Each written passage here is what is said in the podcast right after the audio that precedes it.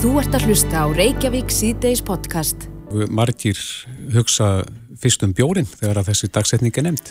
Já, eins og við sögum líka, það er náttúrulega sprengidagur líka, en, en þessi dagur er bjórdagurinn, mm -hmm. stundu kallaður bjedagurinn, skilst mér. Einmitt. Ég hef endar aldrei sagt það sjálf fyrir en nú, en, en þetta var auðvitað söguleg stund þegar að sala á bjór var leið uh, hérna 1.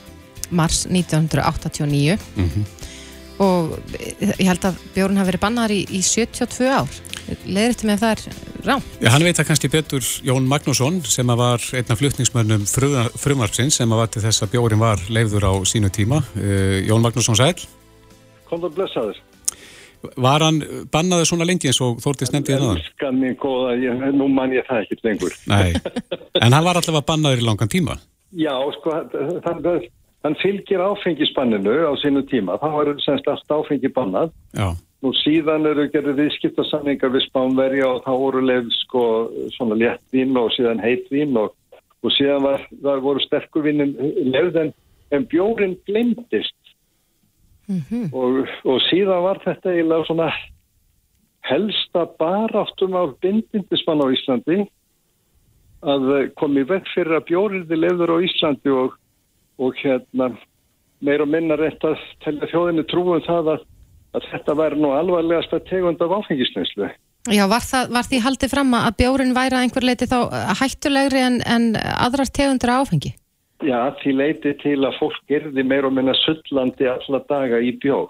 Mm. Og það var voru sagða hryllingsögur að dönskum vinnustöðum þar sem að menn voru að stórslasa sig, hérna, búin að drekka svo og svo marga bjóra og, og annaði þeimdún. Og síðan var það eitt stjórnmáflokkur sem var alltaf algjörlega á mótið þessu bara pólitíst og það voru hérna, var sem sagt... Uh, uh, sammenningaflokkur alltið á sínu tíma og síðan alltið bandalegt sem er forverið vinstri gröðna og það var alltaf pólitísk afstafa gegn, alveg þeir voru allir gegn því en hinn er flokkarnir að þeir meir og minna hérna klopnuðu út og söður um, um afstöðum. Mm -hmm. Þannig að þetta er verið enda svona sem þver pólitíst mál? Já, sko það má nú segja það, það má nú segja það kannski að, að stöðningurinn við afnám bjórbansins hefur kannski verið mestur í sjálfstæðisfloknum en síðan síðan var það nú víðar sko, tekka stuðning en, þetta, sko, ég, ég flutti þetta nú frumvart nú tvís, tvíveis, annars skipta flutti það nú einn og þá fekk það nú lítinn lítið framgang Mm -hmm. en uh, í síðara skiptið að þá semst fluttum, voru fluttum meðfluttingsmenn þeir voru það Geir Horte og, og, og Ingi Björn Albertsson Og eitthvað Guðrún Helgadóttir eða ekki líka? Nei, síðan gerist það í meðförum þingsins að sko að þetta ítir málunast af og í meðförum þingsins er síðan frumvarpið tekið upp og það er gerður á því ákveðna breytingar Mm -hmm. og að það er það frumvarp sem að síðan verður þau endanlega sem var samtíkt en það sem að raunverulega kom þess að stað og hrefði þess og, og, og leiti til þess að allavega að þetta var ekki í setnaferðin en raunbarvittni að það hekki hafi verið frumvarp okkar Geirs Horti og, og Inga Björns. Mhm. En það höfðu verið já, lagðar fram tugir tillagna á alþingi ekki satt áður en að, að þið komið þessu í gegn á sín tíma?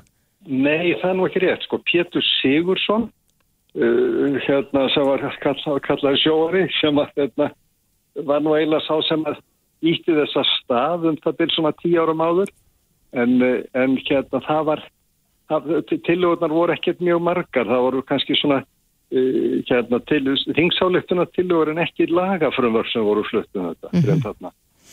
Og það er sko, svona, eh, sko eftir á að higgja þá segja menn býtu hvað segir býtu var bjórin ekki lefður en, en allt áfengi, allt annað áfengi var lefst Mm -hmm. og það sýnir nú kannski svona hvernig umræðan afvegaleiðist uh, stundum þegar að hérna þegar með neituð að horfa á þessa einfaldu staðrind að það einfaldast og léttasta var bannað á meðan allt hitt var leist. En hvað það var sem að var til þess að, að menn svona sameinust um þetta á þessum tíma því að það var eins og segir búið að reyna þetta áður? Já, það voru nú svona nokkri hluti þegar nú svona oft þegar stíplur eru að bresta, þá voru svona margir hluti sem koma. Það er semst búið að leifa hérna, að, semst, að flugáhafnir megi flytjum bjór og Davíð Skeving Þorstensson hérna fer síðan og gerir kröfu til þess að njóta jafnbræði sem megi að flytjum, flytjum bjór eins og hann væri flugmaður og síðan semst er bara almennt er er sem sagt vindurinn að snúast að fólk, fólki finnst þetta aðstæðlegt og það sé bara rétt að leifa þess að tegund áfengis líka. Mm -hmm. en, en því var nú haldið fram af, af þeim sem að stuttu þetta ekki að, að áfengisneisla myndi aukast til muna. Gerði, raungerðist það? Já sko, það sem að við sem að voru flutnismenn þessu frumvars sögðum í okkar greinager var það að, að öllum líkindum myndi hildar áfengisneisla aukast en meðferð áfengisirði mun betri. Og ég, ég verð nú að segja það að ég held að það hafi gengið eftir. Nú, á, aukning áfengisnesluna var minni en við máttu búast en það er allt annað að sjá hvernig þjóðun umgengst áfengist að það sé ekki endilega alltaf til fyrirmyndar en það er það svo margvart betra var áður fyrir mm -hmm. En Jón, mannstu eftir þessum degi? Hvernig var, var svona, má segja, stemningin Nei, sko, fyrsta manns? það, það það er nú kannski svona kaltæðinu örlega en ég drekka ekki bjór það Já, já, og hefur aldrei gert? Jú, jú, en ekki, ekki þegar þarna kom sögu. Nei. Já, já, þannig... Þetta hins vegar bara eðlilegt eð, sko, eðlilegt frelsið og spurninginu um frelsi og valkosti einstaklingsins. Já Er eitthvað annað sem að, sem að þið finnst að ætti að leifa í dag sem að ekki er leift, sem að eitthvað þurfti að Já, já, það, það er fjölmarki hluti sem að mér finnst að ég að leifa hérna sem ekki leift en hérna en það er best að halda því fyrir síðan meðan umræðin er ekki komin ákveldi í gangum þau aðfiði. Já, ekkert sem þú vilt deila með okkur? Ekki bíli. Nei, gerum það kannski síðar. En, en ég, ég er almennt þeirra skoðunar að, að hérna að ríkisvaldið vegi ekki að vera að hafa mikil afskipt á neistluvenju borgarana. Mm -hmm. Hérna aðeins að því ég fann hérna gamla grein í degi uh, fréttablaðinu Hérna segir þetta er eh, frétt frá 87 að, að fjórir þingmenn, Jón Magnússon, Geir á Horti, Guðrún Helgadóttur og Ingi Björn Albersson hafi lagt fram frumvarp. Já, ég er bara byrst fóllátt ef ég verið að gleyma Guðrún og Helgadóttur, það er byrst með leðilegt. Og hún hefur verið með ykkur þarna félagunum. Já, já, já, já, það, það, það kann vel á, já, já. Svona, svona, svona verður maður með andrinu. Akkurat. og það, og það er náttúrulega bara vít að verða að gleyma Guðrún og Helgadóttur. Akkurat, en já, þó að þú drekkir nú ekki bjór sjálfur, mannstu eftir samt sko, já, hvernig umræðan var um þetta þennan dag, 1. mars 89? Já, já, ég, ég man alltaf eftir þess og, og hvernig sjómarfi síndi frá því þegar fólk verið byður eftir það að komast inn í ríkju þegar það var opnað til að fá fyrstu bjórflöskunar. Akkurat, og mér skilst að það hafi verið með sala þennan fyrsta dag allavega já, er að marka gamla fréttir. Það er ósku belli, þetta, þetta er svona þegar að þegar frelsið kemur þá náttúrulega þá, þá reynir fólk að nýta sér það. Einmitt. Við segjum bara til það mikið með daginn. Það er sömulegðis miklu frekar, til, miklu frekar til ykkar. Jón... Ef við ekki bara segja það til það mikið til þjóðarinnar fyrir að hafa sko, leift sér að, að leifa frelsi í staðin fyrir það að láta ríkið einokka það sem að það telur þessi borgarna fyrir bestu. Akkurat. Jón Magnússon, fyriröndi þingmaður og lagmaður, kæra þakki fyrir spjallið. Já, sömulegðis, sömulegðis. Þú ert að hlusta á Reykjavík C-Days podcast. Á Íslanda veri NATO, já eða nei? Já, segja 86,6% en 13,4% segja nei. Hann segja afgerandi neðsta og það er líka spurning hvort að já, ástandið undanfarna viku hefur áhrif á afstöðu landsmanna mm -hmm. í þessu. Ég mitt. Og eins og, við, eins og við rættum líka hér áðan með, með Finnland að þetta er í fyrsta sinni söguna sem að mælist meiri hluti fyrir því að, að finnar gangi í allarsafsbandaleg. Mhm. Mm En við erum eina af stoppþjóðunum í þessu bandalegi og, og þeir eru komnið til okkar hérna til að ræða þetta og spurninguna, reyna svara spurningun er þetta hernaða bandalag eða varnar bandalag mm -hmm. Njálf Trösti Fribjörnsson eh, formadur utanríkismála nefndar og þú ert eh, formadur Varbergs líka sem fjallar um þessi mál mm. og svo ertu formadur Íslandsnefndar deildar NATO-þingsins Já Ég er enda bara starfandi formadur auðvitað nefnda núna, mm -hmm. ég er varaformaðurinn en, en formaðurinn er lendis, þannig að þá sinnum að störfum formans og þetta er náttúrulega búin að vera mjög áhagveri tímar og líka hjá okkur Andri Singa út í Brussel fyrir viku síðan. Mm. Ég ætlaði með þetta að kynna Andri Singa Jónsson, Pírati og, ég, ég, og varaformaður Íslandsdeildar NATO-þingsins. Já, sæl. Þannig að við félagarnir hérna úr, úr Íslandsdeild NATO-þingsins eru mættir, formaður og varaformaður. Um, áttum mjög sérstakka viku þarna í, í síðustu viku og maður er raunverulega úti þegar að hlutinu fara á stað mm -hmm. fara í Brussel, náðast í höfustofanum á, á fundi uh, já standi komitti eða, eða sagt, nefndin, eða stjórnar nefnd NATO-þingsins þessum formið landsdeildana fundar með uh, uh, Norður Allarsvæðsráðinu þar sem allir fastafuttur og sendiherrarnir eru til staðar og við erum að funda hana og, og svo heila bara femmar heima hótel og hlustar á þetta viðtal sem að, að, að Putin var með hana á mánudaginn og svo feð bara allt á Alltaf stað. Mm -hmm. Þannig að þetta er mjög sérstætt að upplifa þetta í þessari nálægð ja. og svo síðar í vikunni í París. Akkurat. En við, eins og, og Kristófur kom inn í náðan, þá er þetta annars vegar tali vera hernaðarbandalag af einhverjum mm -hmm. og, og varnaðarbandalag af öðrum. Og kannski byrja þér, mm -hmm. Andri Singi, hva, hver er þín skoðun á því?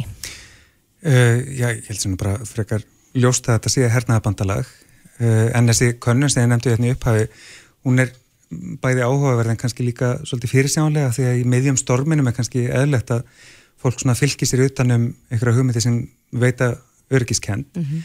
Eh, en ef við bökkum aðeins frá þessu þá er líka ágætt að munna að jú, Ísland er einn af stoppþjóðunum en þjóðin var samt aldrei spurð um það hvort hún vildi ganga í NATO og það var þess að fengi í gegn með sko, valdi við Östuföll það eru ykkur hérna, hörðustu mótmæli sem hafa átt sér staði í, í líræðisögunni voru í tengslu við aldurumsuna að NATO. En síðan held ég að sko, íslenskur almenningur sé kannski friða sinnaðari en við Eh, svona sjámátt fyrir okkur.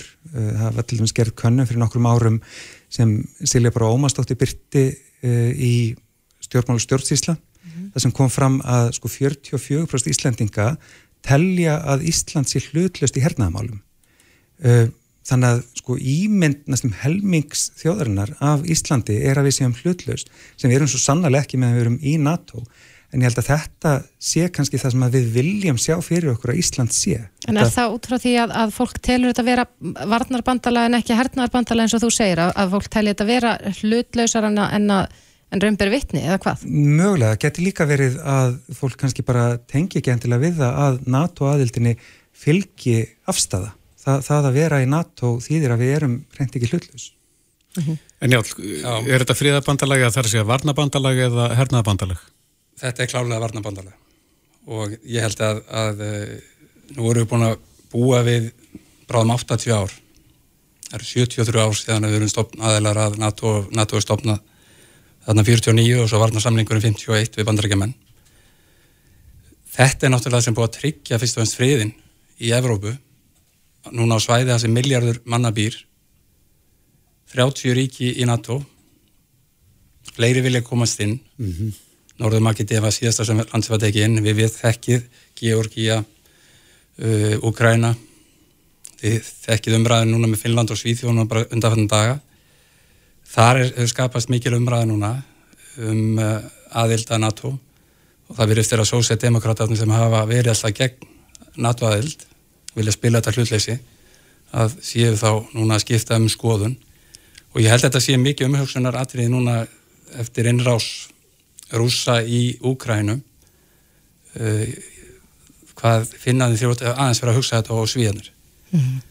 það er bara þannig að, að í Finnlandi er náttúrulega bara djúft í þjóðinni vetrastriði það sem þau börðust við rúsana sínum tíma. Og ég hef alveg fregnað þeirra óttasleikni nú eins og Ístarsallandin og við erum að sjá þetta vitt og breytt nú var ég að fá fregnir á þann að, að hérna, hjá gegnum kunningi að að þá hafi aðli sem að þekkti aðra út í Pólandi maður á 60 aldri, hann var að fá búað í varalið í Pólandi. Mm.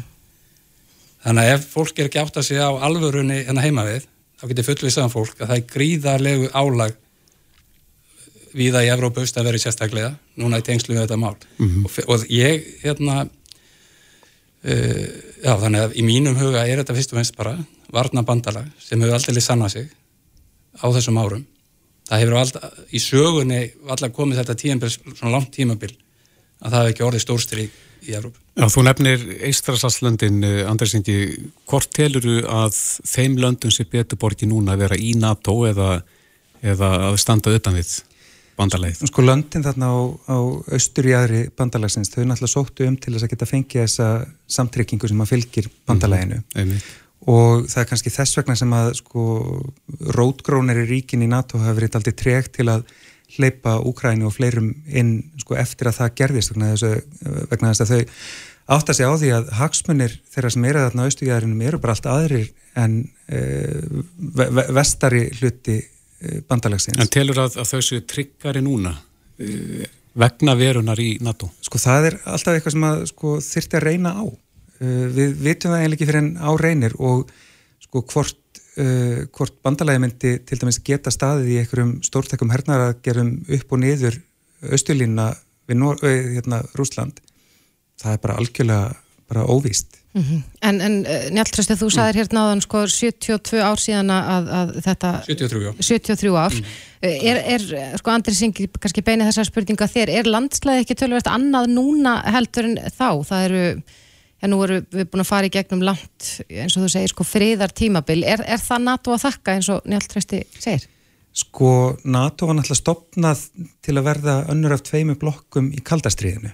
Svo laug kaldastriðinu að NATO ákvaða að halda áfram að vera til og fór það að búa til ný hlut, hlutverk fyrir sig og þó að fólk sé núna í storminum miðjum að sjá sko gamla hlutverkið um það bara verja landsvæði uh, bara dúka upp aftur að það skulum ekki gleyma því að í 20 ár var NATO til dæmis aktíft í Afganistan eh, og það tók ekki nema þrjá daga fyrir allt sem að það sagðist hafa byggt upp í því landi að hrinja til grunna eh, eftir að, að herlið fór frá landinu þannig að sko þessi nýju hlutverk sem bandalagi bjóð til til þess að réttlæta tilvist sína eftir fall uh, jættfjálsins þau hafa bara alls ekkert alltaf verið svo góð. Ég held að íbúar í Afganistan já það hefur nú verið hægt að, að finna einhverja betri leið til að byggja upp uh, samfélag sem byggir á líðra og mannréttindum heldur en þess að 20 ára hernar í hlutun sem að þeir upp í staði skilaðingu. Mm -hmm. Ég veist nú reynda er svolítið ódýrst að tala um Afganistan og ég held að... En það er samt aðal verkefni síðustu 20 árin. Já, ég held að þetta er að heyra hans í heimafólki þar og, og hvernig það upplifir þessa tíma núna og líka þegar Taliban er í stjórnurlandinu og, og hérna, en það er ekki megin hlutverk og það er líka annars eins og svolítið mikilvægt. Í allir umræðum, alla hluti, það er alltaf auðvelt að finna í 73 ára sögu einhver einstöku atriði, hvort sem er heimilslífi fólks eða rekstri fyrirtækis bara ákvörðantöku ef þú getur ekki fundið eitt og eitt slæmt aðrið ára svona lípi og slíka hluti í 73 ára sögu, það eru ímis vond mál. Mm -hmm. þó það nú væri þá hlýtur einhvað slæmt að gera slíka í erfiðu málum Já, En fyrir Ísland njálfhverjastega því að hann bendir á það að mm. það sem kannski mikil að vera fyrir austurblokkin að vera í þessu bandalegi en, en fyrir okkur, hvað græðu við á því?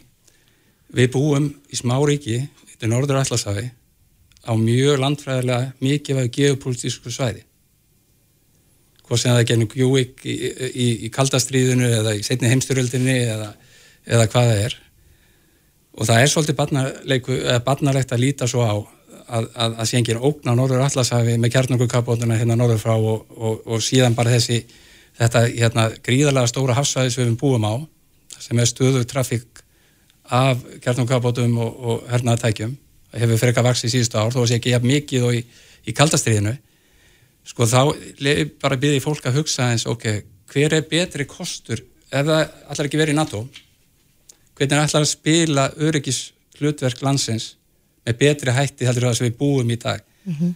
ég, ég held að þá, það sé þá líka að þurfa að fara svolítið að benda á það en þess að annars er þetta með eitthvað veruleika sem býrðið og síðan eitthvað sínum eitthvað hvernig það væri frábært að hafa hlutina mm -hmm. Getur þú svara því Andri Singi?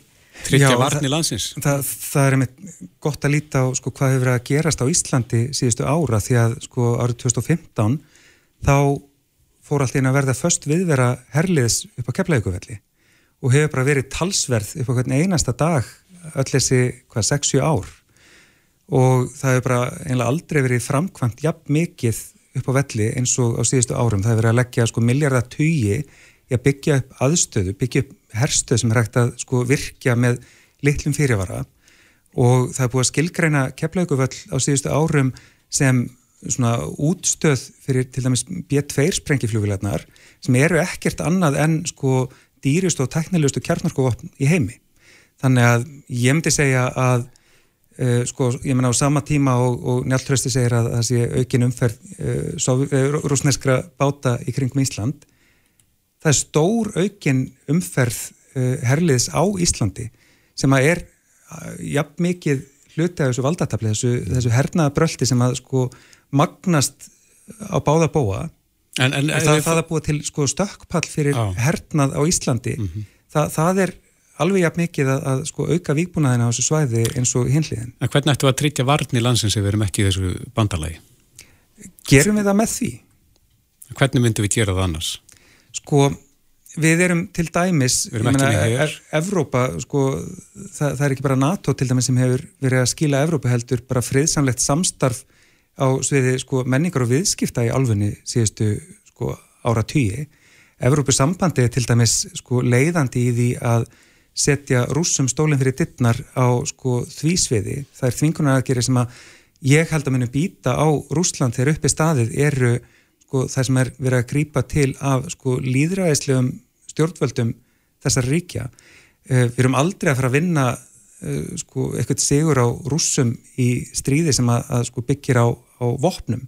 Það, það, það eru átök sem að sko, alla hliðaði tapa. Mm -hmm. Eina sem að sko, eina lausnin á svona deilu er að aðila leggja niður vopn og semjum frið og, og til að fá fólk að samningaborðinu þá virkar best að nota þessar þingunaraðgerir á sviði viðskipta og, og annars.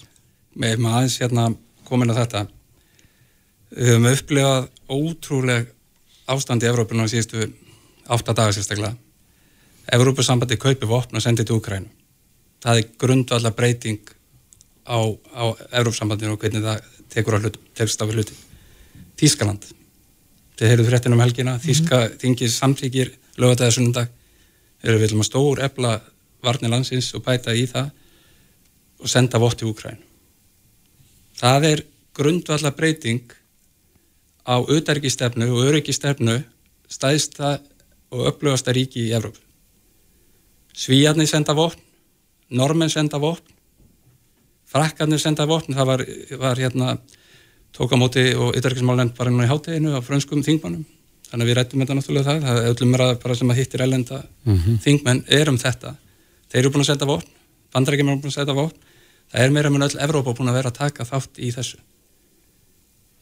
Ég er ekki það er sem spyrja alltaf þá sem að, að hérna, tala gegn þessu varnabandalagi sem er fyrst og fyrst að tryggja öryggi í Evrópu sem er ekkert sjálfgeði við, við erum bara svo vön þessi þjóð sem þarf ekki að senda börnin sín í stríð á því að vera bara í okkar búblu hérna á Íslandi með tryggt öryggi og, og við þurfum ekkert að hugsa um nokkuð skapaðan hlut. Og ég held að það sé kannski ástæðan fyrir því uh, og hefur ákveðið hérna hversu það hefur dvínað einhverju leiti fylgið við NATO og meðal landsmæna sem er held ég almennt bara fólk, almenningur hefur ekki til að hugsa mikið um þessi mál Þetta er ekkit sem að fólk almennt hefur áhuga á eða eða tímanum sín. Ítir við fólki núna þessi...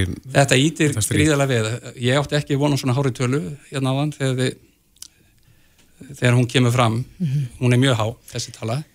Já. 87% sko, með. Akkurat. Mm. En sko Andris Ingi, þú sagði ráðan að þetta var ekki borðið undir þjóðuna á sín tíma. Ætti að gera það núna?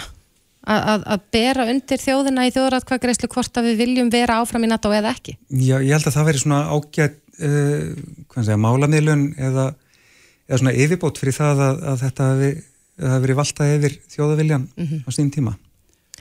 Ég hins að vil segja mjög með þessu ákvörðum 49 og það sem er búin að hugsa núna síðustu viku öllum sem við gengið á því lík gæfa fyrir þjóðina var að ráða með þessum tímum þarna í upphæfi stopnu lífildisins ganga í, í saminu í þjóðunar ganga, vera stopnaður að NATO ganga, í varnasamlingin við bandarækja með 51 og Norræna með Norðurlóndur á 52 hvers konar hvað þetta hefur gefið þjóðinni síðan í framhaldinu?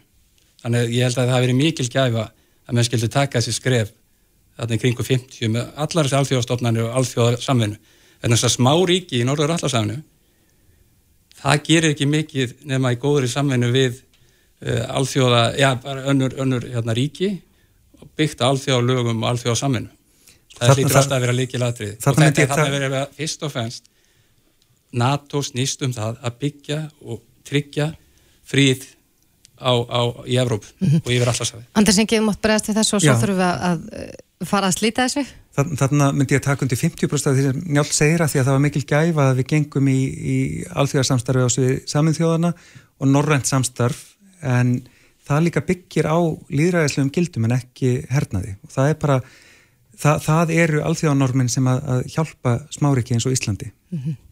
Já, Njálf Trösti Friðbjörnsson og Andris Ingi Jónsson. Takk kærlega fyrir komuna. Kærlega þakkir. Takk. Þetta er Reykjavík C-Days podcast.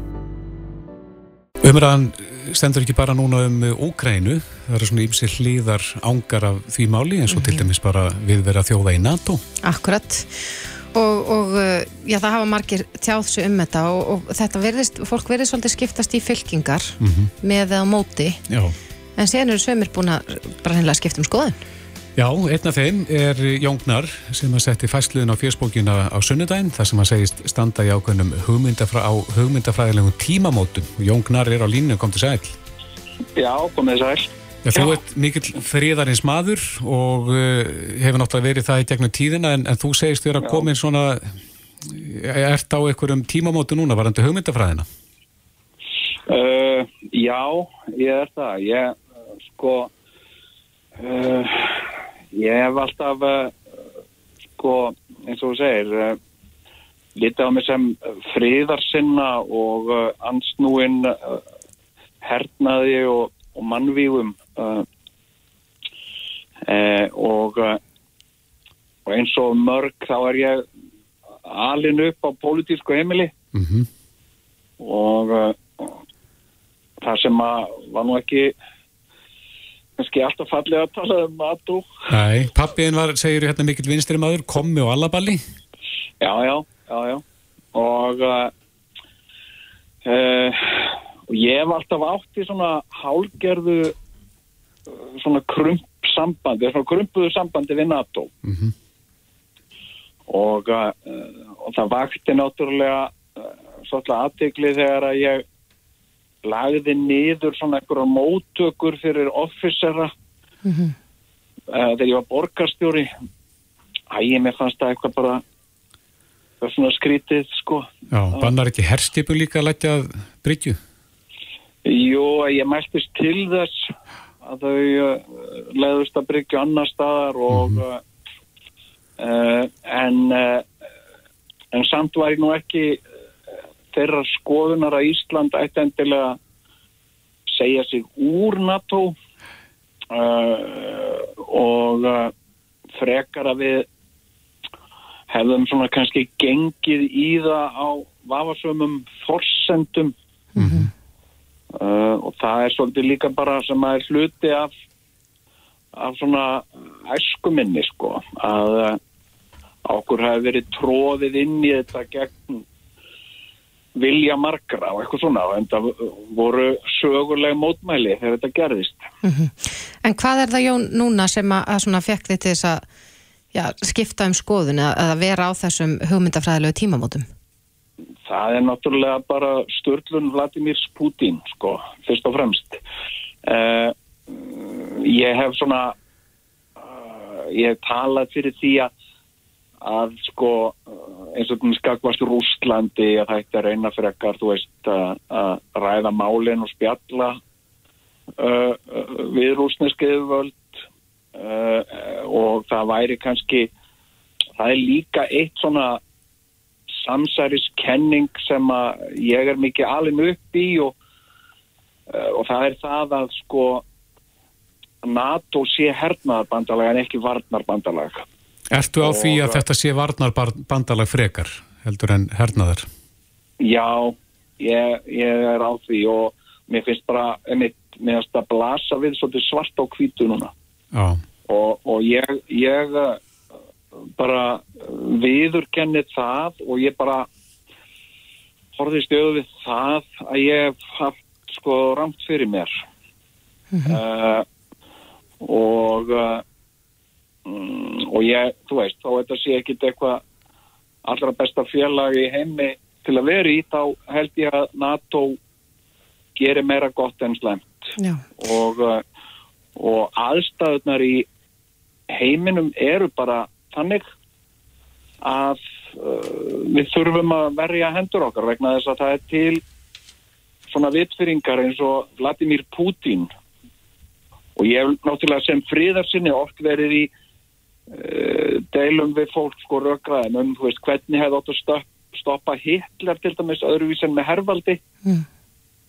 og, uh, og mér hefur orðið svolítið svarafátt í því þú veist, en kannski litið á það sem undantekningu eða eitthvað sem tilherði fórtíðinni og slíkt myndi nú ekki endur taka sig Nei. en ég þurfti að geta það onni mig sko Akkurat, en, en nú hafa einhverju bent á að, að hafi sko verið talað um, um hérna, björnin Putin og að, að NATO hafi verið að sko þrengja að honum já, já. hvernig brestu við, við, við því? Uh, sko ég er bara ekki samfélag því. Uh, Úgræna eins og aðrar þjóðir þetta eru fullvalda þjóðir og uh, liðræðislega þjóðir sem sem kjósa að uh, ganga í raði NATO, bara eins og Póland til dæmis. Mm -hmm. og, uh, og hérna það er ekkert verið að frengja honum neitt.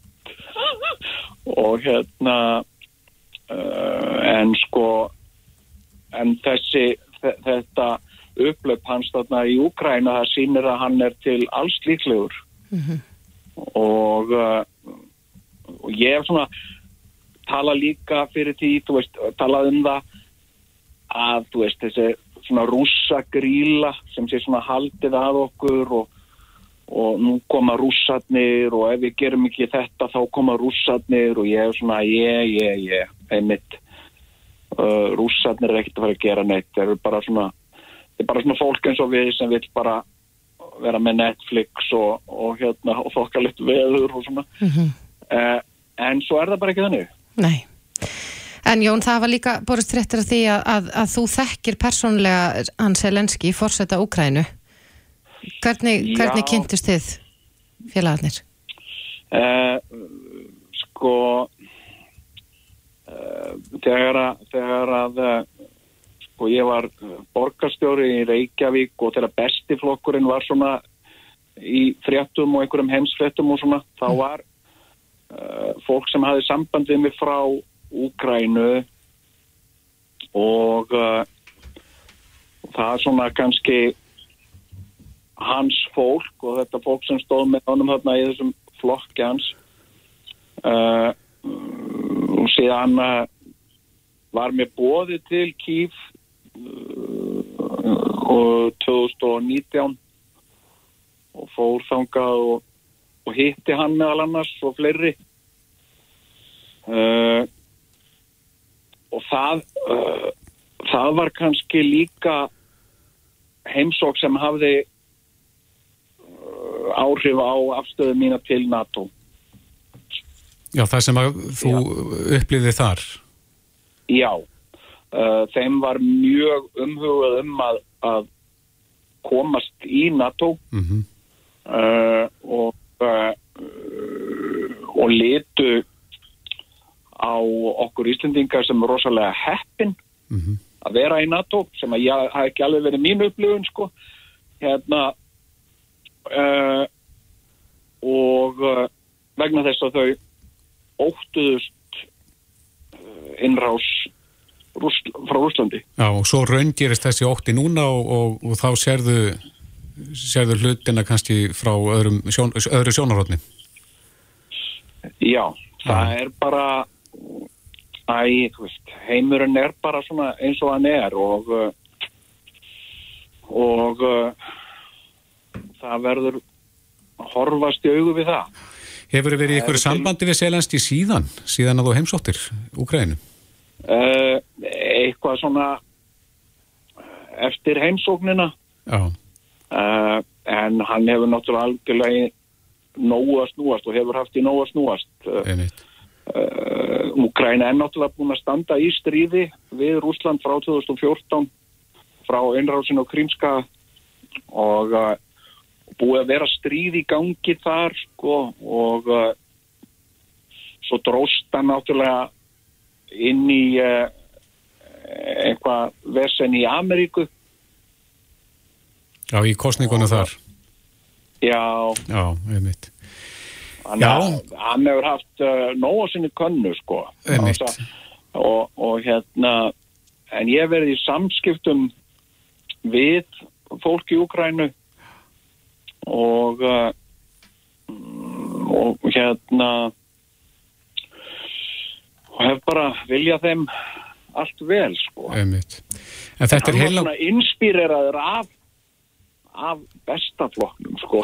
Þetta er svona sveipaðu ferill það byrjar í gríni Já. og enda sér í politík æg, mér fannst ég svona sko, svona hafa smá ábyrð þarna, ekkert meginn sko að ég hafi verið hluti af því sem inspireraði hann til þess að til þess að gera svipaða hluti Sagði það við þig? Sagði það við þig? Að þú hafi verið svona ákveðin fyrirmynd? Mm, mm, já já og nei sko hérna, það var svona ástæðan fyrir því að mér var óði þarna sko. Já, akkurat.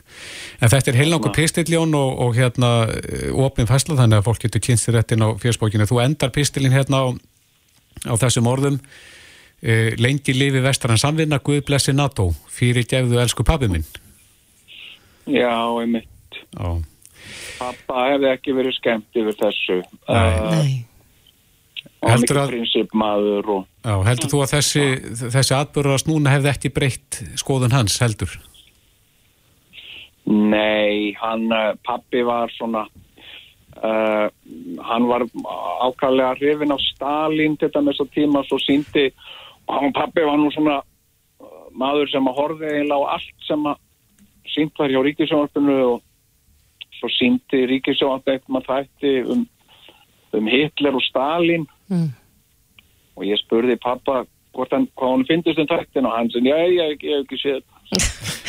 Þannig að hann hefur ekki verið tilbúin að skipta um skoðun eins og þú ert að gera núna? Ég held ekki sko. Nei. Veit, og, En eins og þú segir þarna þá, þá segist þú verið orðin og gamall og hafa mikið að gera til þess að ganga með gamalt og þreytandi krump í hjartanu.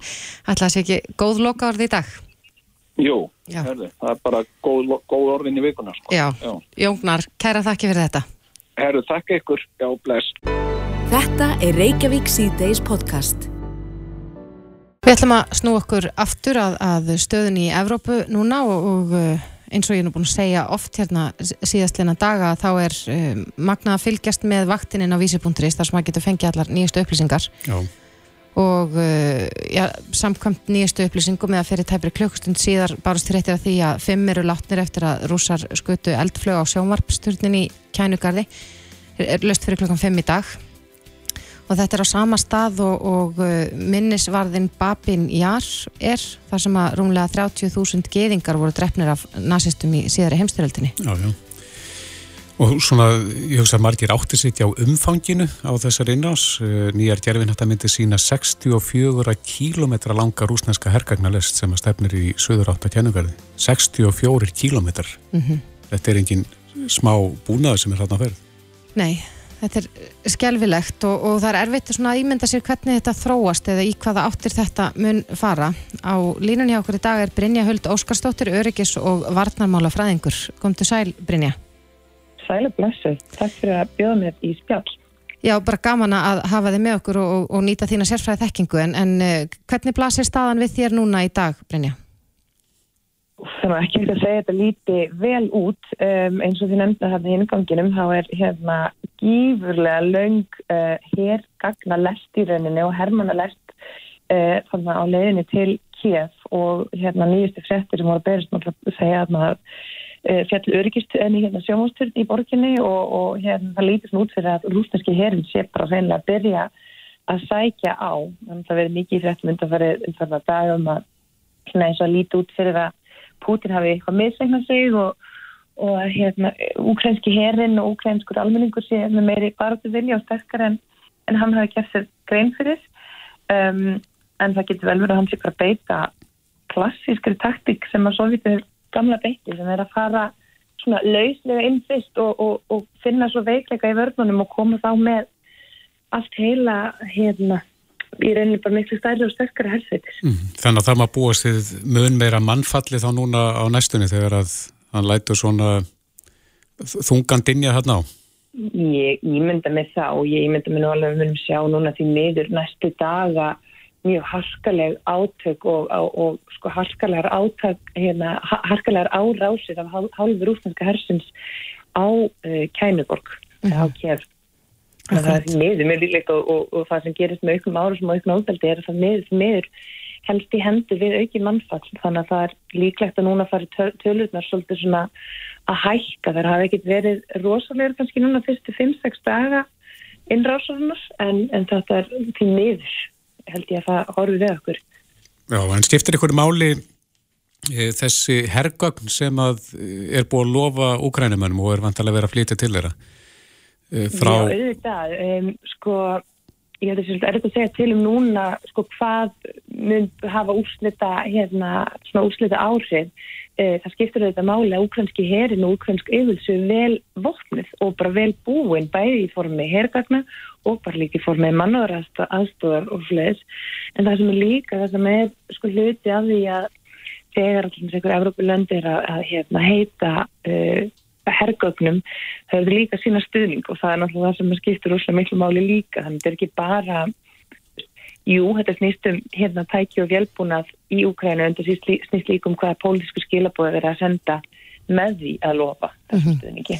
Og eru þessi pólitísku skilabóð sko, meira afgerandi en, en kannski við byggumst við frá uh, þessum ríkjum í Európa sem er að, að, að bæða að senda hergögn og lýsi við stuðningi? Já, ég held að ég verði þannig að segja það að sko það, ég ímynda mér allavega að uh, Pútín hefði ekki búist við því að það erði svona gífurlega uh, einróma stuðningur innan uh, NATO landana og innan Evrópu sem hefur, síntið því þetta daga að hótanir sem að var búið að hóta það er allra raungerast, það er löndnir eins og Þískaland er að senda hergögn og auka fjárframlög sín persónulega til sérstu vartanmála með fyrsta ríkinu uh, sem hefur ekki gæst bara frá lokum setja heimstofaldar í rauninni, ekki svona í svona magni. Um, og sko það verður rauninni það er, það er að koma sami hljómur allstar innan úr Evrópu, þetta er alveg fylgt búið að þjappa saman NATO-löndunum og ímyndan er að Putin hef ekki búist við því að byrði svona mikil, samstæða og svona mikil einhugur af því að við erum mjög háður Úslandi, til dæmis er Þýskaland mjög háður Úslandi, hvað var það orku alþjóða samskipti, alþjóða fjármól, uh, nú búið að loka eins og við höfum síðan síðan dag að loka hérna Rúsland út á sökkjörn og það mun hafa áhrif ekki bara inn í Rúslandi heldur líka þá sem hafa áður stundast liðskiptið í Rúslandi mm -hmm. Hvað skiptir mestu máli? Hvað, hvað getur haft mest áhrif á Pútin og, og stoppaðan? Er, það stöðningurinn heima fyrir? Ég, ég mynda mér að sé Sko, uh, þetta er mjög flókin spurning og þá væri hægt að svara í sko doktorsreitgerð í örgis- og vatnmálafæðum og einhvers konar hérna greiningu á, á eh, Putin sem leðtöða. Um, það sem gæti, það er eiginlega bara eiginlega vall hægt að svara þessar spurningu. Uh, ég, allan eins og ég setja núna, held ég að það sé ekkert sem mun stöðva Putin næstu daga í því að sína hans hernaðarlega mátt uh, gegn Ukraínu og þannig að við heldum að við búist við að sjá átök framöndan. Mér finnst ólíklegt að hann hérna hætti við síðsónan en hún sé bóðið uh, það sem hann er búin að vera beðið um sem eru uh, skýra línur um að Úkræna mun ekki ganga til þessu NATO uh, og, og aðrar hérna mjög uh, kröfur sem að kom í ljós fyrir þess ári að enginn ætla að verða -hmm. við.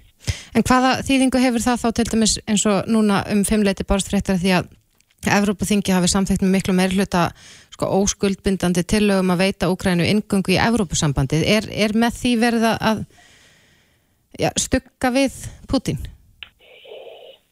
Sko það, já, þetta fellur ekki vel hjá honum. Uh, náttúrulega Evrópusambandið þýðir ekki aðvilt að NATO mm. og hérna NATO er með svona open door policy og það er það sem að Putin er hérna búin að vera að nýta í Um, en með því að ganga ef að, ef að uh, Úkræna myndi ganga í Európa-sambandi þá er það að byrja að mæta alls konar lámarkskröfum verður það líklar að geta mætt alls konar lámarkskröfum sem að lönd sem vilja segja ganga til liðs við allansafsbandalagi þurfa að standast. Það eru pólitíska kröfur, efnhagslegar og hernaðlegar lámarkskröfur um, og með því að vera í Evropasambandinu þá ertu líklega þurfa að mæta eh, annars konar kröfum sem gera þig líklega til að ná þessum kröfum ef þetta er svona, hérna, það er eina einfalda þetta eh, ferli eins og mikið og mögulega hægt er mm -hmm. En eh, nú hefur mikið verið talað um, um sko, NATO uh, samkomulægið uh, mm. eða sáttmálan og Já. mikið talað um femtugreina eru Já. einhverja líkur á því að, að femtagreini verði virkju og, og og hvað þýrst að gerast til þess að hún er virkið? Sko, Fymtagreinin eh, snýst um það árás á eitt NATO uh, aldaríki uh, gildi, jafngildi árás á alla á öll löndin þannig að allir þetta er þessi collective defense, þessi sameila vörð sem að hérna, heim löndin til þá sína uh, til þess að hún er virkið þá þetta bara ráðast á NATO-land og Úkræna er það ekki uh, þannig að það er ólíklegt enn sem komið er að eitthvað sem er sé að gerast inn í Úkrænu núna innan landamæra Úkrænu uh, verður til þess að svo grein er þið myndið svona tryggarast eins og maður segir en Danir til dæmis tilkynnti núna uh, Mette Freriksson sem sagði að að hún myndi ekki, myndi ekki stoppa um, danska ríkisborgara í að fara og berjast með svona international brigades í Úkrænu uh, og þó svo að einhverjir sérst, uh, ríkisborgarar úr NATO-löndu myndi falla í bardum inn í Úkrænu þá er það ekki nóg til að tryggjara þessa 50 grein. Mm -hmm. Þannig að þetta þarf alveg að vera skýr vopnuð uh, árás á aldaríki. Mm -hmm. Það sem heimurinn óttast kannski mest núna það er þessi hótun uh, Pútins um að beita kjarnorkuvopnum. Telur þau líkur á því að, að hann láti verða af því? Ég, ég, ég sko, maður vil bara ekki, maður, já, maður vil ekki hugsa til þess. Það er bara, það er frálegt að þessi 2022 og að það sé, eh, að við stöndum núna fram fyrir því að kjarnorkuváin sé að rýsa, hún hefur auðvitað verið að aukast undarfærin ár þó svo að það er ekki, svona, er ekki þó, hérna, mjög cool að tala um kjartnorkóknina undarfærin svona kannski tvo ára til, mm -hmm. um, en hún hefur verið að aukast jæmt og þjátt, um, en Putin skilur það alveg að sendi hann að stað kjartnorkóva þá, veist, kjartnorkóva hún virkar þannig að þú veist ef þú sendir þín kjartnorkóva á stað, þá færðu eitthvað tilbaka og það er ástæðan fyrir að þetta heiti bara mutual destruction þetta er bara, þetta er gjörleingavotn og hann er, hann er að senda vissulega mjög skýr, mjög harkaleg skilabóð, sérstaklega náttúrulega varandi Finnland og Svíþjóð sem er ekki NATO-lönd um, og hafa uh, staðið fyrir utan NATO, veist þau séu svo, svo kvöldu partner nations um, þá er hann að senda mjög harkaleg skilabóð með þessu. En Brást nú svo með á sunnudaginn bara mjög yfir að það er bara við tökum ekki þátt í þessu. Mm -hmm. um, þannig að uh, já það er erfitt að lesa í Putin en þetta vonum er hann hann mér ekki beita þessum vopni það væri bara, það er bara það er fráleitt. En Brynja, telur þú að, að, að já, spennan munir hennilega vaks og þetta munir stegmagnast á næstu dögum? Já, ég held að það sé alveg óhægt að segja það. Það er mjög ólíklegt að það er fátt sem bendir til þess að þessi átök uh, sem er eigast það innan Úkræni núna að þau róist eitthvað næstu dögum. Um, sérstaklega bara ef maður fylgist með flutningi á herrgögnum, á herrmönnum eða bara herrlið í rúsneska hersins. Uh, það verðast allir vegið líka til kænukarðas. Þannig að það er mjög líklegt að það sé hörð átök frammyndan þar. Akkurat. Já, Brynja...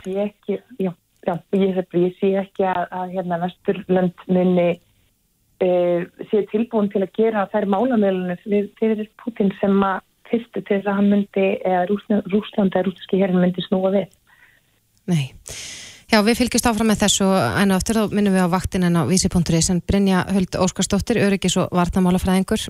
Kærast þakki fyrir þetta. Sjálfsmál, takk. Reykjavík síðdeis á Bilginni podcast.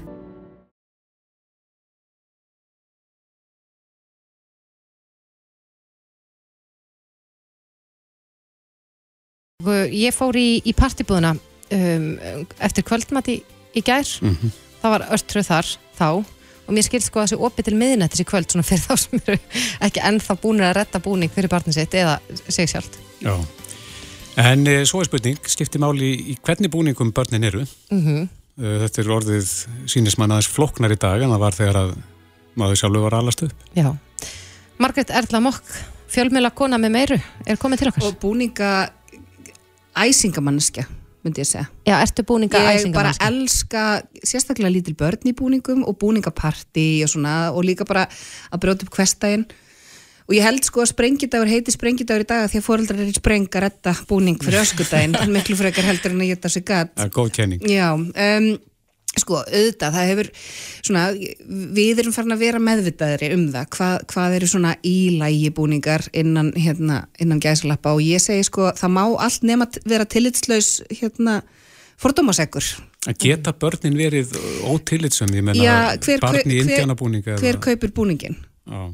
En þetta var til dæmis einn spurning sem að, eins og ég segi, fór í búningabúði mm -hmm. og var að skoða og, og Það eru allir þessi búningar ennþá til sölu, sko, Já. það er nefnilega málið um, en sko svo líka þú ert komið með börn upp og þú veist, þegar þú eru orðin sjóra þá er alveg hægt að taka þetta samtal við þau mm -hmm. og það er, þú veist, ég hef líka svona sagt það er alveg munur á því að segja ég ætla að vera hommi á öskudaginn eða ég ætla að vera pállóskar á öskudaginn mm -hmm. þú veist, það er munur á því að segja ég ætla að vera hérna einhver meksikósk kona í einhverjum ræsinsku búningi eða ég ætla að vera Frida Kahlo, það er ekki það sama Mm -hmm. Þú veist, ef þú ert að taka hérna hattin ofan fyrir einhverjum hérna og ég meina, mér finnst alltaf að vera í indjánabúninga þú getur nefnt mér einhvern indjánahöfðingja sem þú veist óksla mikið um og hefur óbúslega gaman að sögurni og heldur með honum og allt það en hérna þú veist, þetta er, já, svo er þetta með það, bara, ætla, bara er þér sama í hverju barnið þetta er og ég menna svo eru bara mjög ung börn þannig að vera bara nokkuð svona meðvituð og hérna Er þau kannski að kenna fóreldrunum? Þau eru kannski að kenna fóreldrunum en líka kannski ef þú hugsaður ekki lengra þá ertu kannski að setja barnið bara í mjög erfiða aðstöðu mm -hmm. þú veist, kannski er það bara einhverjum búning og það er bara barnið í skólanum sem er af þessu þjóðarbróti og er bara að horfa upp á eitthvað hérna humbúk hérna, halanegra búning skilur við, svo förum alveg bara allarleið með þetta sko mm -hmm. en hérna, en eins og segi þú veist, ef að það er svo mikið annars þú getur verið að er þetta bara það eina sem kem, kemur upp í hugan Akkur, En þetta er, manni líður eins og þetta sé þetta er, þetta, tímatnir breytast og menninni með, mm -hmm. við mhm. vitum það og, og, og það hefur að undarförnum mikið verið talað um, um það sem við kalla menningarnám mm -hmm. en, en hvernig ámaður að vita sko, hvort að maður sé að fara villu vegar í þessu eða ekki Ef að þú ert í vafa þá skaltu bara finna þér annan búning mm -hmm. Það er svolítið það og eins og ég segi, þú veist, það, það, hérna, ef að þú ert að segja ég er og svo segir eitthvað þjóðarbrott eða eitthvað hérna, þá ertu mjög líklega í búning sem er ekki alveg í lægi ef að þú ert að hérna, bera blackface á batnið þitt að morgni öskudags og, og í stressi það hefur kannski bara að leifa þig að vera lili klefum úr sko mm. Er þessi umræði í gangi út um allan heim? Já, og hún er búin að vera miklu lengur í gangi til dæmis í bandaríkjunum og það, það er þetta líka sko að þar og þú veist og í svona veist, í fjölmenningarlegu samfélagi er líka bara ok hérna veist það eru, það hafa ekki allir jafn tækifæri.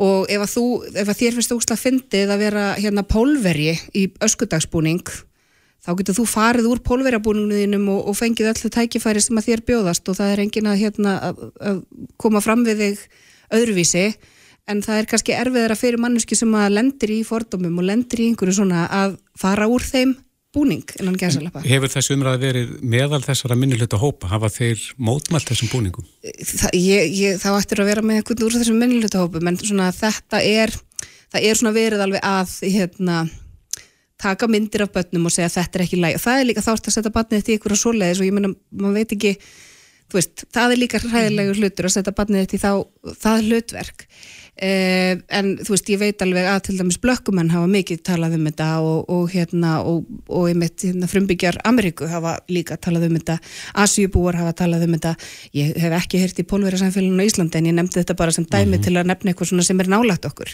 Akkurat, ég held að umræðan hafi kannski uh, hafist við, við eins og við tölum um blackface, að mm -hmm. þegar einhver mála sér dökkan. Já, en svo er þetta líka bara það er svo ógislega stutt síðan, ég menna þú talar um það, það, það hefur lægið þegar þú varst lítill, ég menna ég á alveg myndir af mér í, í indjánabúning og það var bara allt í lægi og sérstu mér var kínakona og það var bara allt í lægi þú veist, mm -hmm. þetta, það, það er alveg stutt síðan við fórum að opna augun og ég menna, þú veist, ég á, þú veist alveg búningamyndir af mér frá því ég var lítil sem ég mun aldrei setja á interneti bara, það var það bara búið. Eh, en hérna, en við erum svona að opna augun og, og það er ótrúlega jákvægt og svo er það líka bara hérna það eru svo margar aðrar hugmyndi sem er hægt að fá. Þetta er ekki bara eitthvað, oh, má ég ekki vera indjáni? Þá er ég bara með enga aðra hugmynd. Þá ertu bara hugmyndalust foreldri. Gerðu betur, farðu og lektu þér með bönnuninum og fáðu þið hugmyndir. Mm -hmm. En þið hefur líkast að þetta verið fleikt fram í þessar umræðu sko við séum sífælt meira mókast fyrir hönd annara Já. Er, er það ekki, erum við ekki að því? Er, uh, sko, að gefa okkur það að uh, Mér finnst allt í lagi að taka til til fólks, mér finnst það bara fluti af því að vera í manneskilju og samfélagi mm -hmm. að það er að, hérna, að vera ekki að setja fólk í einhverja svona uh, skrýpamyndabúninga af þjóðverfni þeirra uh, ég er ekkert mókuð þó ég myndi sjá barni í einhverju hérna húlapilsi en ég myndi ekki setja barni mitt í það sjálf mm -hmm. En, en nú hefur þetta, sko, nú hefur við með tvo dag ári Mm -hmm. Halloween er bara komið til að vera held ég hér á landi. Ja, fyrir löngu, fyrir löngu, fyrir já, löngu. Fyrir löngu og, ég fór í nákvæmlega þetta viðtalið mitt á bylgjunni hérna fyrir Halloween á síðast ári. Akkurat, nákvæmlega. En, en, en fullari fólk Er, er mm -hmm. það meira farið að dressa sig upp eða minna eða, eða er sko, við alltaf bara einblina börnum? Öskudagurinn er, er svona barnadagurinn myndi ég segja og ég myndi segja að rekjavagan sé orðin svona fullorðins meira mm -hmm. eh, einfallega vegna þess að öskudag ber alltaf upp á miðugudag og við viljum gertan skála ef við fyrir með búning mm -hmm. eh, og, að, og það er svona auðveldar einhvern veginn að færa rekjavaguna hún er alltaf í lok oktober og þá er það svona kannski förstu dag, lögadagur fyrir eða eftir sem að eru þessi, þessi rekjavaguparti sem við fullorðna fólki förum í mhm. En ég held að þetta komi bara af sko, ég held að hérna Instagram og samfélagsmiðlar spilir þarna mjög stórt hlutverk að þú getur uh, montaði svo mikið fyrir svo marga að þú ferði ekki ekki að hann búning Ferðu þú búning á öskutæn? Uh, ég er bara í vinnu sem að hérna, kannski er ég að fara að taka eitthvað erfitt viðtal um Úkrænu og morgun og ringbröð þannig að þá vil ég kannski ekki verið rauð þetta búning þegar ég gerir það. Mm -hmm. uh, en ætli ég verði ekki bara fréttakona um daginn og danskennar um kvöldið og svo fer ég kannski bara í búning þar að batnið er sopna uh, en maðurinn minn hann er alltaf sama á sko daginn, hann er alltaf Rúnar F uh, keppandi í söngakefni sjónvarsins fyrir nokkrum árum síðan. Já. fyrir leður eitthvað, þeir eru alveg eins. Gott val. Mjög gott val. Rúnar F, nú þeir eru að googla. Þú verður að googla, þú, þú Já, okay, þeir eru mjög líkir. Já, mjög líkir. Þannig að við munum sjá Thomas Steindors hér á göngum á morgun sem, sem Rúnar F, F. Spennandi, Mjög. en barnið þitt kannski... Sko hún er tveggja hálsás þannig að ég svona hugsaði veist, ég, þetta er erfiður dagur fyrir mig að eiga barn sem að er svona kannski hún er kannski fara að vera með eitthvað uppreist ná morgun þegar ég er frá að klæða henni eitthvað. Þannig ég hugsaði bara ok, það finna bara eitthvað mjúkt fyrir hann að vera í, sem henni liði vel í. Þannig að hún verður bánsi svona bánsanáttvöld, hún á bánsa eiru sem hún leikur sér gerðnar með. Ef að ég fæ að mála hann í framann þá er það bónus en ég ætla að geima svona hérna, þessar rosalega metnaða fullu búninga þannig til við getum gert þetta saman. Það er líka, það er líka svo skemmt komin með einhverja hugmyndi fyrir slíkt? Já, ég held ég sé komin með svona hugmyndir þannig til hún verður 19 ára bara. Mm -hmm. í fyrra var hún í þremur búningum að ég, ég vildi að hún væri svo mörg þannig er það. En þetta er sko uppáhaldstagurinn minn á internetinu og þegar fólk er eitthvað nenni að hætta að setja myndir af bennanum það er bara þetta er uppáhaldstagurinn minn. Ég teki saman hún undanfarn 5 ár bestu búningana og, hérna, og fæ leiði hjá fólki til þess að byrta myndir af börnunum þeirra. Mm -hmm. Og hvar byrtir þetta? Bara á Facebookinu mínu, ja. bara hérna, bestu búningarnir. E, e en þetta er svona, já. Þannig ef að fullotni vilja að klæða sér búningamorgun þá er það bara í góða leið. Það er það í góðu leið, bara endilega. Já, öskutaðar á morgun. Já, og heima gerir búningar eru skemmtilegastir. Já, Margaret Ella Mokk kæra þakki fyrir komuna. Takk fyrir mig. Reykjavík síðdeis á Bilginni podcast Dásmálar á þeirra ríkislöfnustjóri og Reykjavík síðdeis podcast gegn kynfyrirsóbeldi á bladamannafundi í dag og nú er sjónunum í fyrsta kastið beint að skemmtana lífinu. Akkurat, uh, það ætla að skera upp herur gegn kynfyrirsóbeldi á djamminu eins og kom mm -hmm. fram í frettatilkynningu í dag og já, þetta er í raun og veru þetta er áhugavert en samkvæmt tölum frá þeim að þá dróst fjöldi tilkynntra naukana saman um 43% þegar að samkomi takmarkanu voru sem strángastar. Og hvað segja þessa tölur okkur? Á línun er Jón Gunnarsson, uh, dómsbólar á þeirra, kom til sæl? Já, sælverði og ég byrð nú velverðingar á því að hafa verið uppbyggin á þann þegar það stóð til að við töluðum saman. Ekkert mál, þú varst uppbyggin í þinginu, það, við stjórnum það. En uh, þetta dróst saman að þess að tilkynntum brotum Eh, fækkaði um 43% eh, þegar að samkóma takkbarkarnir voru í hámarki. Eh, hvað segja þessa tölur okkur? Já, það segja okkur það sem að við blasir að, að hérna, flest af þessum brotum eiga sér stað í kringum helgar og oft tengt skemmtarnarlífunu og, og við hér að við því erum við að reyna að bregða svona meðal annars sko, með ákveðinu viturnavækningu og þáttöku almennings og þá svona þeirra sem að starfa í kringum skemmtarnalífið og, og hérna eh, ég tel að svona þetta sé eðlert næsta skref í framhald af því sem að eh, því góða starfi sem hefur verið unna undan fyrir árum þar sem að sjónum hefur verið beint að brota fólum og, og gerendum í slíkum málum og núna síðustu misserinn að, að uh, ungu þess uh, að börnum uh, kynningu og fræðslu í, í eftirbekkjum grunnskóla mm -hmm. samanum við laurugluna og samanum þessar allar að þessar aðila um, það starf hefur allt gengið mjög vel og, og þeir eiga þakki skildar, þau ennbætti og einstaklingar sem að þessu hafa komið. En nú erum við að, að reyna reyna ráðast að rótvandans og sjá hvort að við getum ekki sko, stemt stegu, stegu við þessum brotum þannig að að dreyið úr því að það eigi sér stað. Mm -hmm. En þeir eru að hvetja já, almenning og, og þá sem að tengja, eins og þú segir, tengja skemmtanlífunu jafnvel eru úti á lífinu til þess að vera vakandi og, og, og reynilega bara spyrja fólk hvort það sé allt í góðu. Já, út af það gengur þetta átak sem við erum að reynda núna úr þar og við höfum fundað sem sagt með fulltrúin frá skemmtistöðum fulltrúin leigubílstjóra stræt og almenningssamgöngur er að taka mjög mikilvæg þátt í þessu með okkur líka og léða okkur með þess að vagn merkinga undir átaki sem var svona síndur hér á þessum bladamannu fundi í dag.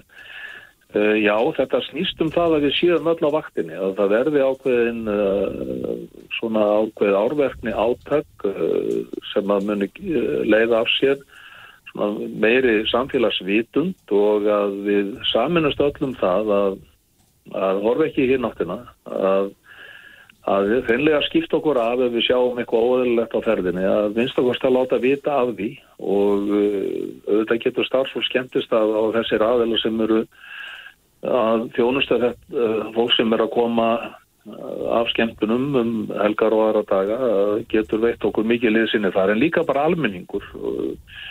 Vinnir, hugsaðum vinni og, og hérna fólk líti kringu sig og, og sé eitthvað áðurlegt í gangi að þeirra mati að það minnst að það sé spurt er ekki allt í lægi, mm -hmm. er ekki allt í góðu hér og, eh, og hérna bara með slíkum aðdóðsendum að þá getur við gefið til kynna að það er verið að fylgjast með viðkomandi og við getum hann er komið í veg fyrir það að slík brot eigir sér stað. En svo er fólk stundum ekki í standi til þess að svara Málun, hvað séu fyrir ekki það? Fyrir ekki, svo er fólk ekki oft í standi til þess að svara því til hvort það sé í lægið ekki og þá komum við kannski inn á þessa byrlani sem að hefur oft talað um Já, nákvæmlega sko og þá er ástæðu þetta til þess að vekja aðtikli starfsfólks og veitingastöðum þetta á sér staðin og veitingastöðum til dæmis að vekja aðtikli á því og þá kalla til löglu, ringja í einnig tvo. Þar er þetta móttöku stöðin okkar fyrir, fyrir uh, allt sem við þurfum að tilgjana með þessum hætti og, og þar er fólk þjálfað í því að taka mótið þessu símtölum uh, og uh, einnig tveir hefur verið ómeitalegur uh, samstagsæðili við lauruglu og okkur í þessum málum. Er það eitthvað mat að við hefum verið of sofandi þegar það kemur að þessum málum? Nei, vistu hvað, ég held að uh, við settum á stað uh, ákveðið áttak og ákveðina áallin árið 2018 til fjóra ára og hún hefur klárlega skilað miklum árangri auðvitað þessi almenna samfélagsumræði kringum þess að mítúbildingar hefur skilað sínu líka þannig að við erum öll kannski meira meðvituð um þetta ástand núna heldur en áður.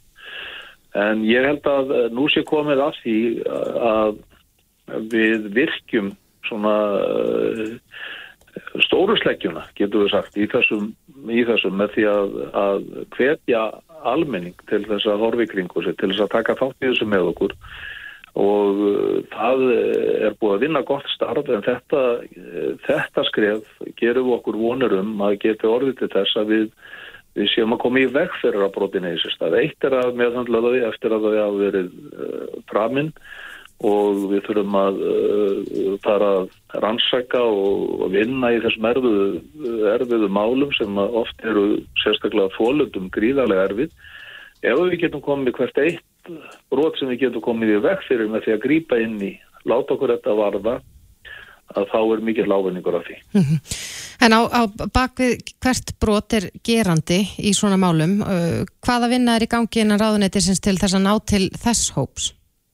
Sko svo það er í þeirri vinnu sem að hefur átt sér stað var sjónum beint fyrst af fólöndum en einnig á úrraunum fyrir gerendur og uh, þar hefur verið gripið til ástafana til þess að hjálpa gerendum bæði til þess að stíga fram og eins til þess að uh, fá þá uh, meðferð sinna mála.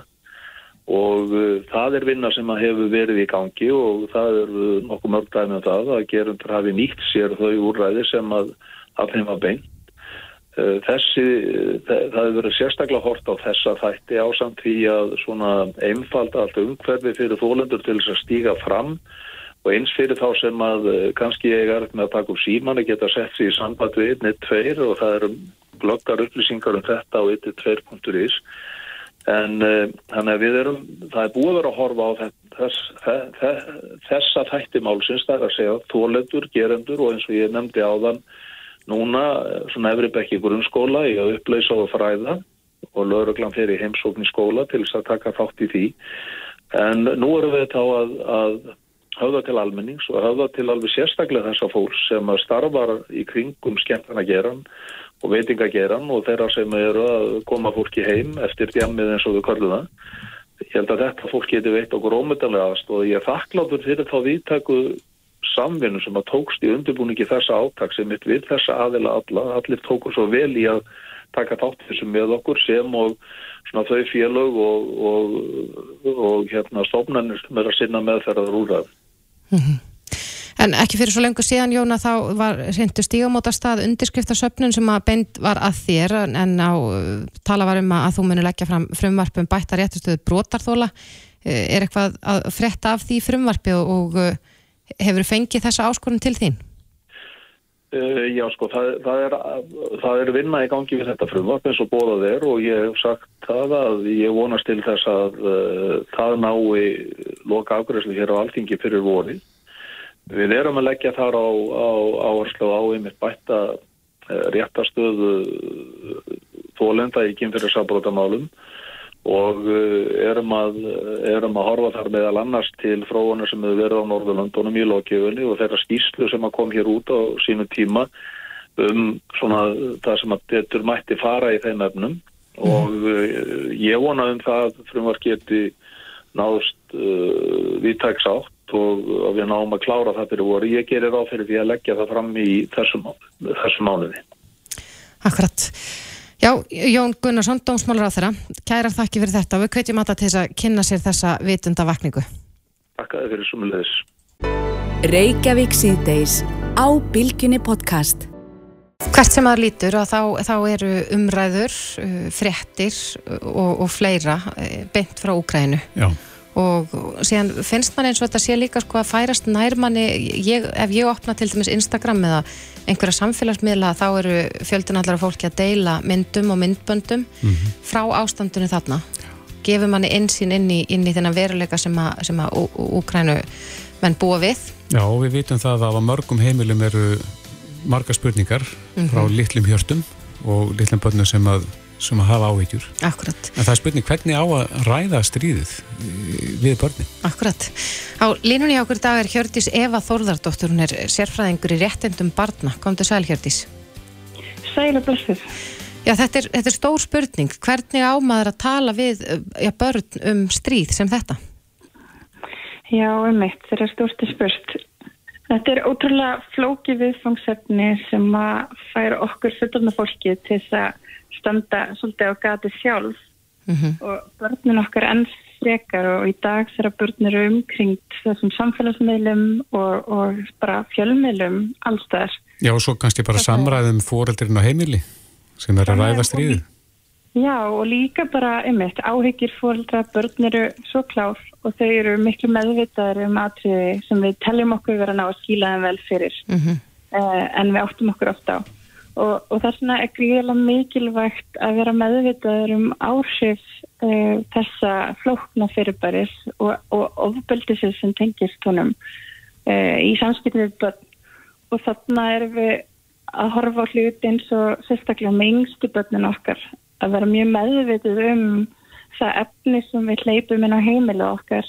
Eins og til dæmis að vera meðvitið um það að, að horfa fréttutíman til dæmis frekar eftir að börnir er farin að sofa vera ekki með útvarpið í gangi hérna þegar fréttutímin er þegar við erum með mjög ung börn á heimilinu en hins vegar þetta þegar við komum með eldri börn uh, sem eru farin að vera inn á heimilum annara vinna hafa aðgengi að, að fjölmilum mm -hmm. og samfélagsmilum að þá auðvitað verðum við að undirbúa börnun okkar að vissu leiti undir e, það sem við geta orðið fyrir eða séð mm -hmm. og þá skiptir máli að taka samtalið við þetta. Já, ætti maður að, að, að sko byrja samræðunar eða, eða reynilega býða eftir að börnin spyrja spurninga?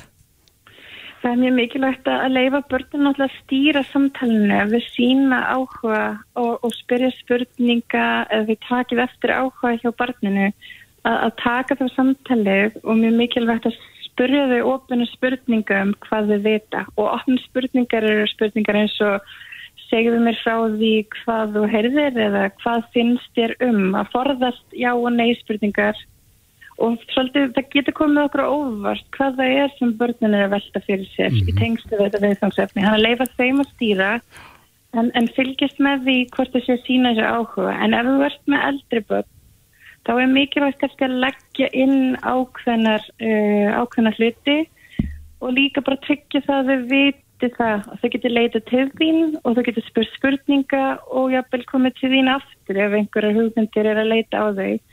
En aftur á móti ef að vangaveltur og spurningu barnar að fara að taka á sig þráhyggi kendan blæ og þau fara að ítrekka að spyrja aftur og aftur og aftur að þá er mikilvægt að reyna að afmarka tíman sem að samtalið tekið um þessa hluti til að reyna að takmarka eh, hversu miklu tíma þau eigða í að velta þessu fyrir sér. Það sé bara ákveðin tími þar þau mhm. tökum þetta fyrir á ræðum en auðvitað leita til sérfræðinga, til salfræðinga, batnarsálfræðinga eftir aðleggingum að ykkur finnst þetta að vera viðvarandi. Já, en svo er, eru batni farin að uh, upplifa kannski myndbönd í auknumæli inn á TikTok -huh. uh, myndbönd af sprengingum öðru frá Ukrænu er að rata þangað inn og þau kannski Já. þetta sprettur allt inn upp á stjáin hjá þeim. Ummitt.